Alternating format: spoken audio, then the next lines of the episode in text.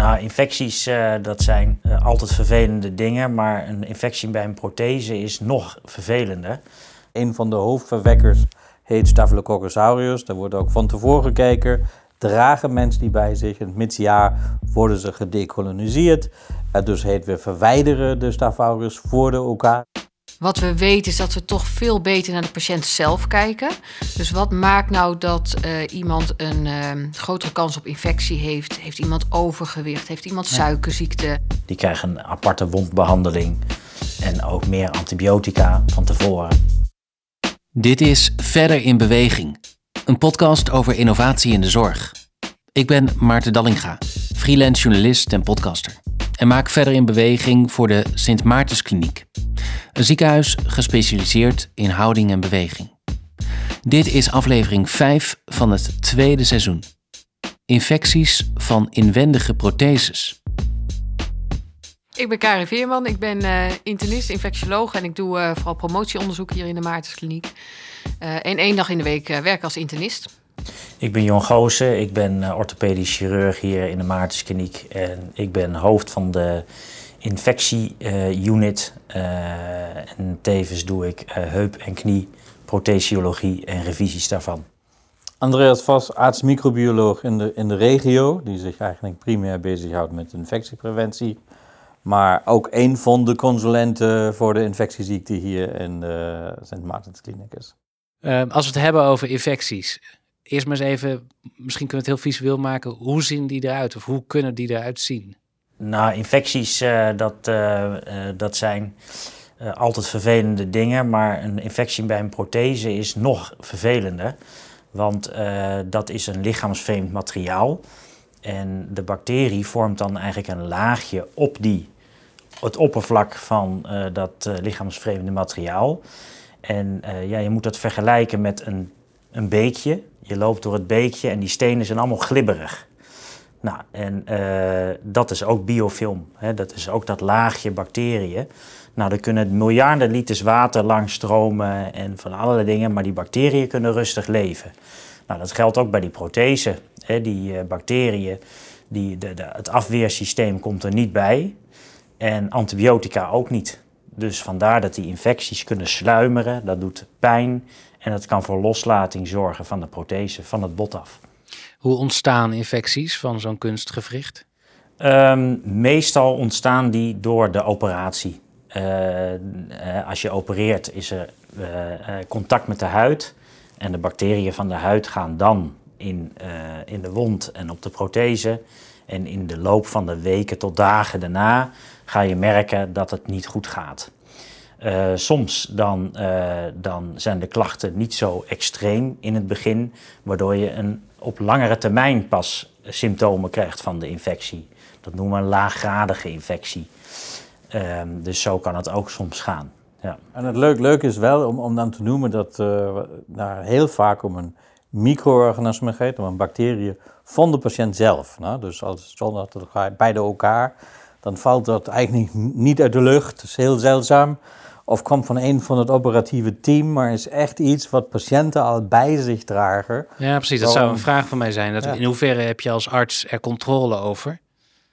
Nou ja, er zijn, er zijn de juiste krijgt. middelen. Kijk, ook, ook hier wordt preventief toegepast. We kijken, een van de hoofdverwekkers heet Staphylococcus aureus. Daar wordt ook van tevoren gekeken. Dragen mensen die bij zich? In het middenjaar worden ze gedecoloniseerd. Uh, dus heet we verwijderen de Staphylococcus voor de OK, zodat die dus uh, door een zalf eigenlijk en door een, een door waslotion, dus chlorhexidine waslotion en Bactroban uh, neuszalf. En daarmee reduceer je de lood, of krijg je het helemaal weg als je geluk hebt. En daarmee maak je de kans kleiner op infecties. En daarna heb je een zorgvuldige uh, pre-operatieve desinfectie van de huid.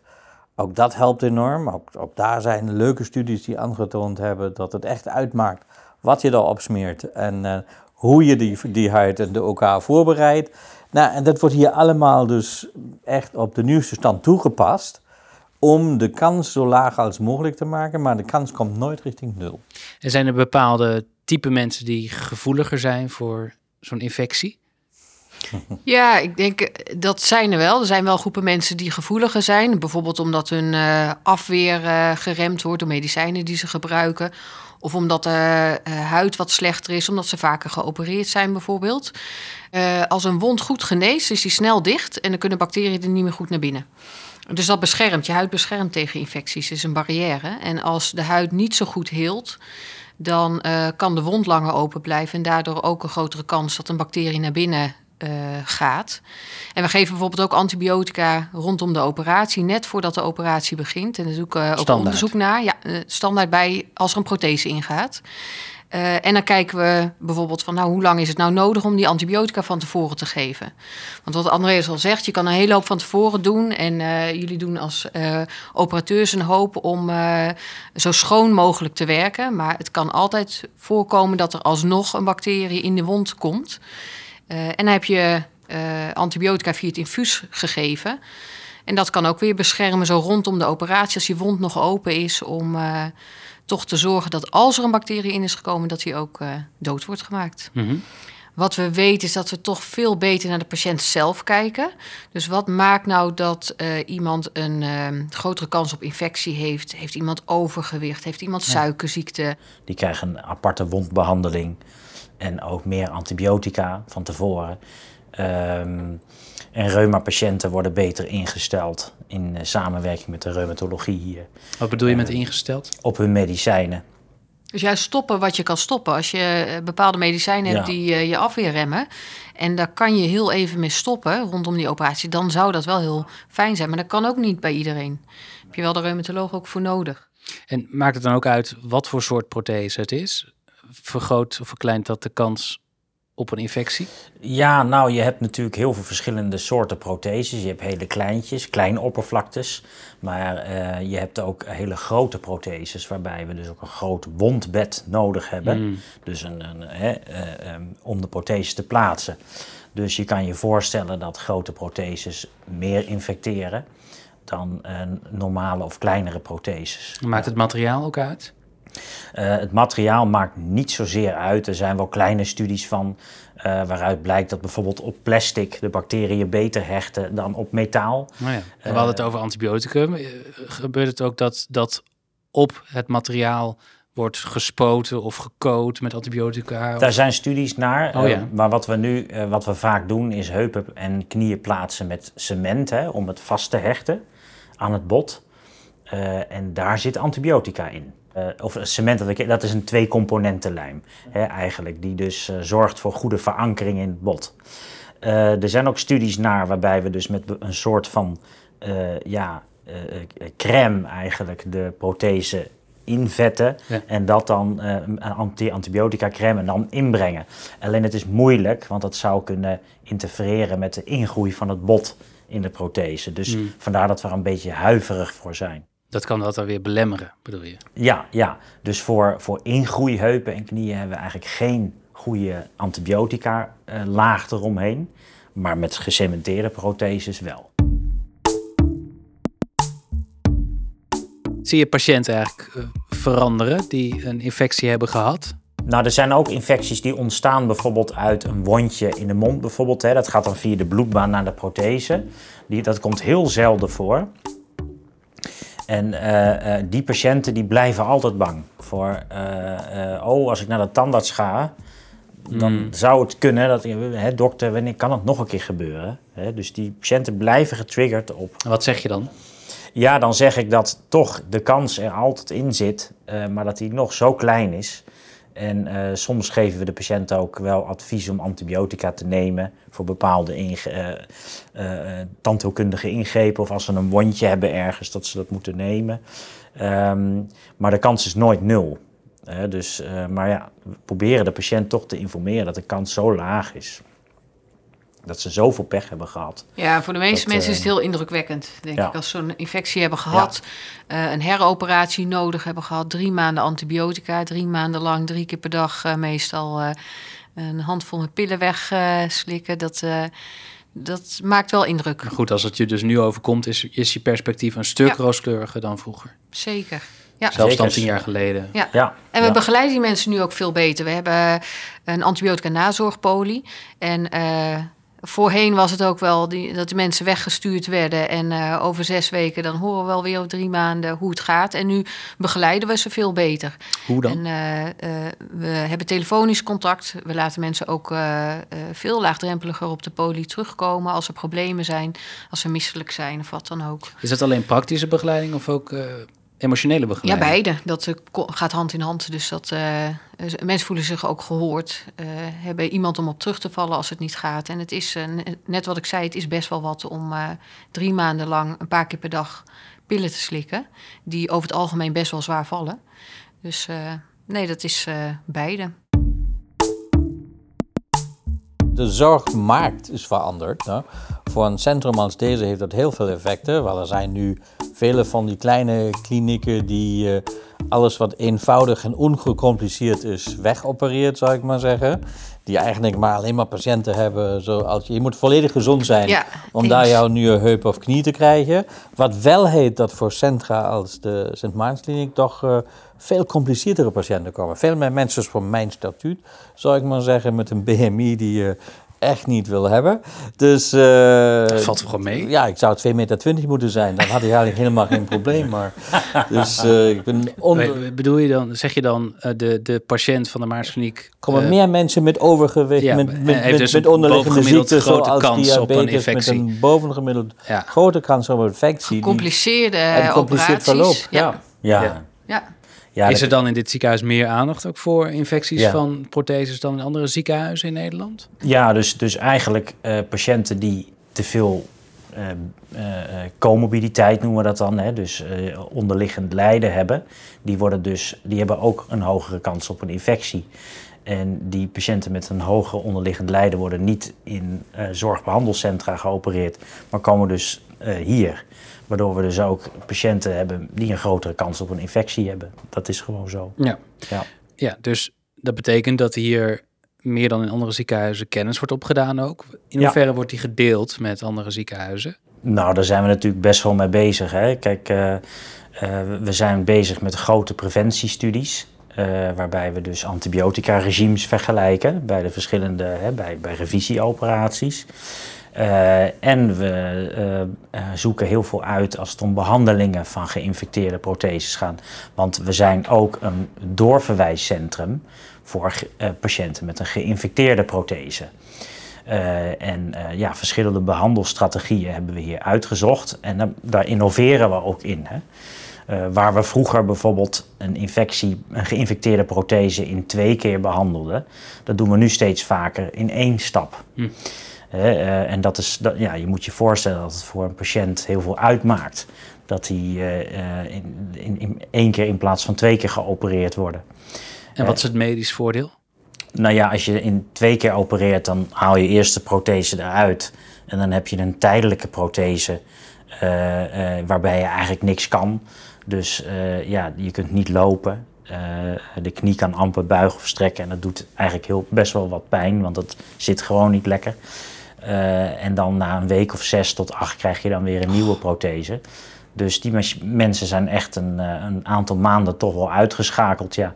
En als je dat in één keer zou kunnen, die mensen kunnen de dag daarna weer lopen. En waarom uh, zitten dan soms die zes tot acht weken tijd tussen? Ja, omdat dat altijd de gouden standaard was om te behandelen. En, maar nu hebben we toch steeds meer onderzoek dat je met sommige bacteriën die goed te behandelen zijn met antibiotica, dat ook in één keer kan doen. Ja, ja. En dat kan dus alleen maar in uh, samenwerking met de juiste multidisciplinaire uh, mensen in ons ziekenhuis.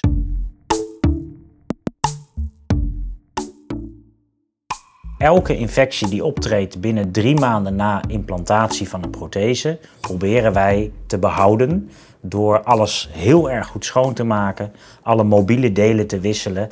Uh, hè, dus een, een, een, kopje of een, een, hmm. een, stukje plastic wat los zit. En uh, antibiotica te geven voor drie maanden. Nou, daarvan redden we 85% van de protheses. Met goed resultaat. Hè, die, en dat is hier? Of is dat, dat, is hier. Uh... Dat, nou, dat is ook wel vergelijkbaar met literatuur okay. uit andere gespecialiseerde centra. Ja. Um, en uh, die andere 15%, ja, die moeten helaas um, vervangen worden. Ja, In, in twee keer of wel één keer. Hè, dan. Ja, maar we praten de hele tijd over infecties. Né? En dat is ook dat maat wat de buitenwereld opzoekt, de verzekeraars en alle anderen. Ik zou mij zo wensen dat er nieuwe indicatoren komen, waarbij voor het behoud van een prothese ja. op bepaalde tijden postoperatief, waar die mee opgenomen worden en centra worden vergelijken. Wel ja, op het moment dat je deze vroege interventie die hier gedaan wordt doorvoert, dan heb je een infectie te pakken in de registratie. Mhm. Terwijl het gaat uiterlijk alleen maar om de behoud van de prothese er is heel veel vrees, denk ik, voor uh, infecties. En dat is uh, terecht in die zin dat een, uh, een ernstige complicatie is. Maar het gaat ook heel vaak goed.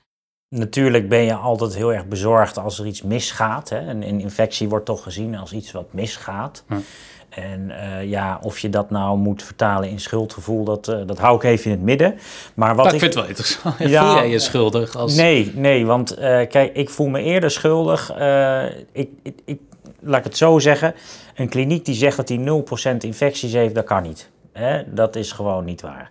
Dus we moeten wel eerlijk blijven. Uh, infecties komen gewoon voor. En ik heb wel eens iemand horen zeggen dat infecties eigenlijk een hele goede complicatie is. Want je kunt nog best wel in 85% dus de prothese behouden als je het goed behandelt. En een andere complicatie als een breuk of een heup die uit de kom gaat, dan moet je vaker toch de prothese vervangen. dus wat is erger? Wat, krijg je, wat, heb, wat heb je op de opleiding bijvoorbeeld meegekregen hierover? Wat was het sentiment? Ja, nou ja, uh, dat is dus de, de, de afgelopen. Ik ben dus tien jaar hier werkzaam. Daarvoor was ik in opleiding. En toen waren de, de kaarten nog heel anders. Uh, toen, uh, toen was het bijna altijd dat je de prothese verloor met een infectie, mm. omdat men nog niet zo bedreven was in, uh, in het schoonmaken ervan. Dus er is in korte tijd heel veel korte gebeurd. Tijd, ja, er is in korte tijd extreem veel gebeurd daarin, ook op antibiotisch gebied. Hè, dus, dus, wat zijn de grootste krachten daarachter geweest? op, op een gegeven moment werd dus duidelijk dat um, infecties veel meer voorkwamen dan dat we eigenlijk misschien wel dachten. Dus de, de, er is heel veel aandacht geweest voor uh, van, nou ja, als het niet goed gaat met een prothese, dan zou het wel eens een infectie kunnen zijn. En daarom zien we ook in de, de afgelopen tijd infecties toenemen. Het getal neemt toe. Uh, en dat komt dus niet omdat we in één keer meer bacteriën hebben in de lucht, maar dat komt gewoon omdat er eerder aan wordt gedacht. Als er iets mis is, dan zal het ook een infectie kunnen zijn. Dus ook op diagnostiek is er heel veel verbeterd. Uh, en dus ook op behandeling. We zijn, uh, eigenlijk ben ik veel minder bang voor een infectie dan in mijn opleiding en mijn opleiders. Want toen kon er nog niet zoveel. Hè, dan, dan was het gewoon prothese eruit en heel lang niks. Gewoon een heup zonder heup. En dan een half jaar nou ja, misschien dat we er ooit nog één nieuwe in kunnen doen. En nu hebben we gewoon een behandelstrategie. En uh, daarmee kunnen we veel meer patiënten aan het, uh, aan het lopen krijgen. Wie is het? Excuus. Wie was het? Mijn vrouw. Wanneer ze me kan komen ophalen. Uh, wat zijn de grootste krachten hierachter, de, achter die ontwikkeling? Nou ja, ten einde gaat het altijd, innovatie is altijd gericht om het leven voor de patiënten beter te maken, zou ik zeggen. De zorgkwaliteit te verhogen. Dat is nummer één. Uh, nummer twee is, er zijn ook, er zijn ook veel externe drijfkrachten natuurlijk. Verzekeraars kijken heel goed waar ze hun operaties laten uitvoeren voor, voor hun klanten. Ook zij hebben behoefte aan een tevreden Want hoe kijken verzekeraars aan tegen infecties? Ze kijken heel vaak nog puur naar infectiecijfers, die door de vroege interventies ja, stijgen mogelijk terwijl het eindresultaat voor de patiënt veel beter wordt.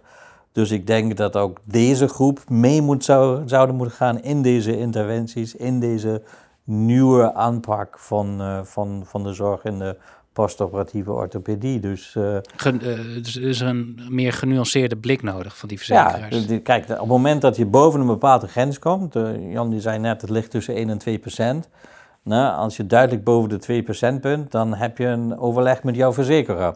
Ook over hoe gaat het nu beter. Hè? En dan, dan zou het ook kunnen zijn dat in andere centra, waar, ze, nou, waar het, het, gaat om enkele patiënten per jaar, om dat heel duidelijk te zeggen. Nou, en daarom heeft het uh, niet zoveel zin dan en, om nee, zo dan, zou die... dan zou het zinnig kunnen zijn, ja, maar als we die nu open doen, want we denken daar is een infectie, en spoelen en daarmee het resultaat in de toekomst verbeteren. Maar dan telt die wel mee. En dat zou net die ene extra kunnen zijn die.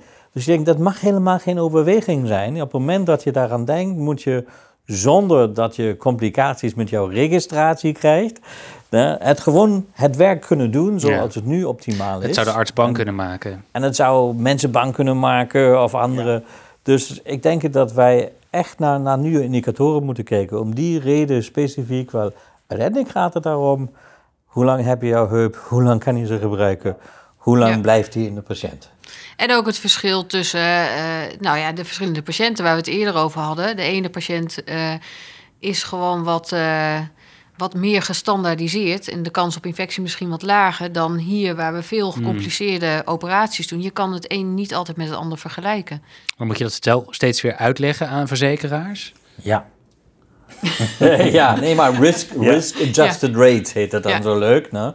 Aan ja. het risico aangepaste uh, percentages. Dat, dat zou ook leuk zijn. Dus als wij dan hier zeggen, we hebben 1,4 en je praat met zender, dan zeg ja, dat is hier maar 0,5. Ja, maar dat zijn dan heel vaak, daar, daar, daar, daar, moet je quasi 25 en gezond zijn om die nieuwe heup te krijgen. Dus, uh, ja, dan, dus het is niet reëel om de groep patiënten hier af te zetten tegen de gemiddelde patiënt. vergelijken. Nee, nee, en het gaat nog veel verder. Kijk, uh, uh, wij zijn heel erg ja, agressief, om het zo maar eens te zeggen, in de infectiebehandeling. Als een prothese een infectie heeft of de wond lekt langer dan 10 dagen, dan gaan we spoelen. Hè, dan gaan we het schoonmaken. En hoe meer je schoonmaakt, hoe meer je kweekt, hoe meer infecties je hebt. Andere ziekenhuizen die uh, geven ook soms wel eens antibiotica alleen maar. Om het maar te onderdrukken. Wat jij zei, dat snapte ik niet. Hoe meer je hoe meer, je, hoe meer je operatief een infectie behandelt, waarvan wij denken dat het de beste manier is, hoe meer infecties je hebt in je ziekenhuis. Want je kweekt meer. Hè?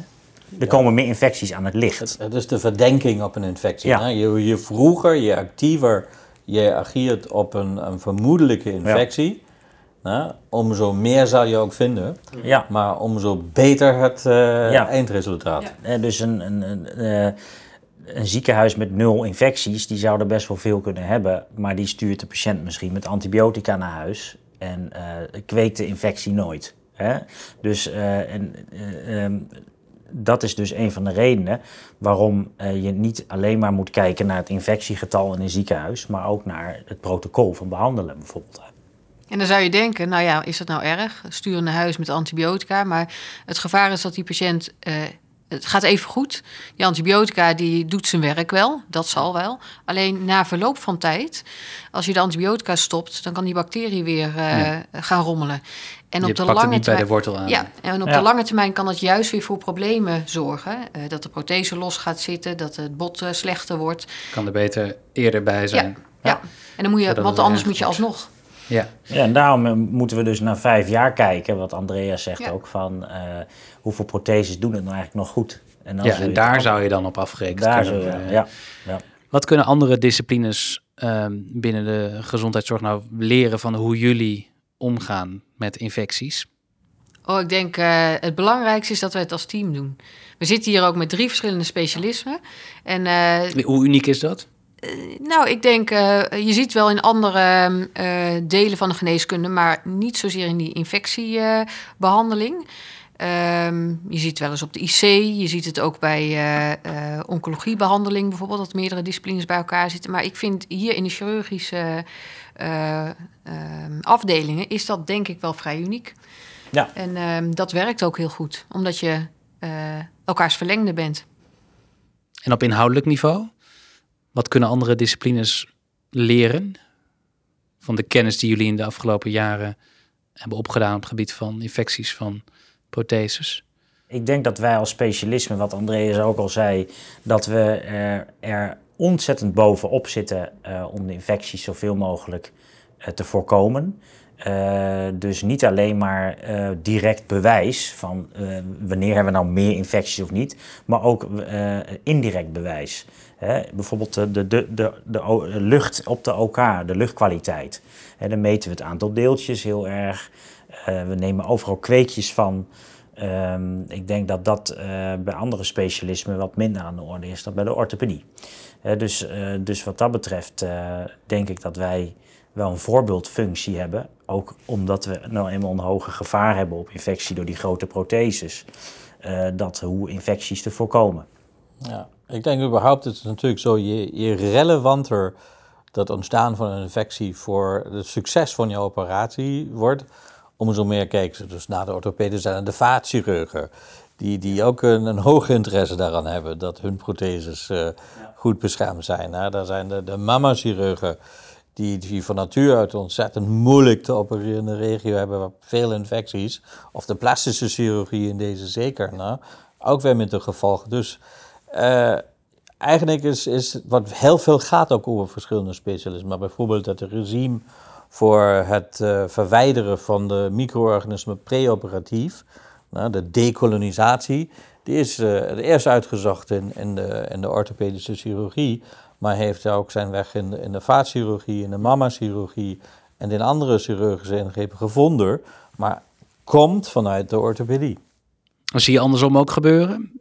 Dat jullie kennis overnemen op het gebied van infecties van andere disciplines? We moeten ook weer niet doorslaan hè, uh, in de infectiepreventie met enorme hoeveelheden antibiotica en, en dat soort dingen. En ik denk dat andere specialismen, althans het overleg daarmee en, uh, en de balans die we af en toe bij elkaar opzoeken, dat we dan ook wel eens weer ja, wat realistischer worden soms over van, mhm. nou ja, misschien moeten we toch kijken dat we niet te veel aan antibiotica-preventie eh, doen en dat soort dingen. Ik denk dat we nog steeds heel bang zijn voor een infectie en we proberen het altijd te voorkomen. Maar we, ze hebben wel meer vertrouwen in de behandeling. En uh, um, ook omdat we gewoon goede resultaten hebben en steeds meer weten wat we moeten doen. Um, ik denk dat dat toch wel de grootste verandering is in de afgelopen tien jaar. Infecties, bestaan ze nog over, laten we zeggen, 50 jaar? Ja. Altijd. 100 procent. Ja. Hè? Ja. Die gaan niet weg. Dankjewel. Dit was de vijfde aflevering van het tweede seizoen van Verder in Beweging. Een podcast van mij, Maarten Dallinga, voor de Sint Maartenskliniek. Ben je enthousiast? Luister dan ook naar de eerdere afleveringen en laat een recensie achter in je podcast-app of deel deze aflevering via sociale media. Voor achtergrondinformatie bij de afleveringen ga naar verderinbeweging.nl/slash podcast. Wil je reageren? Mail dan naar communicatie.maartenskliniek.nl. Bedankt voor het luisteren en graag tot de volgende.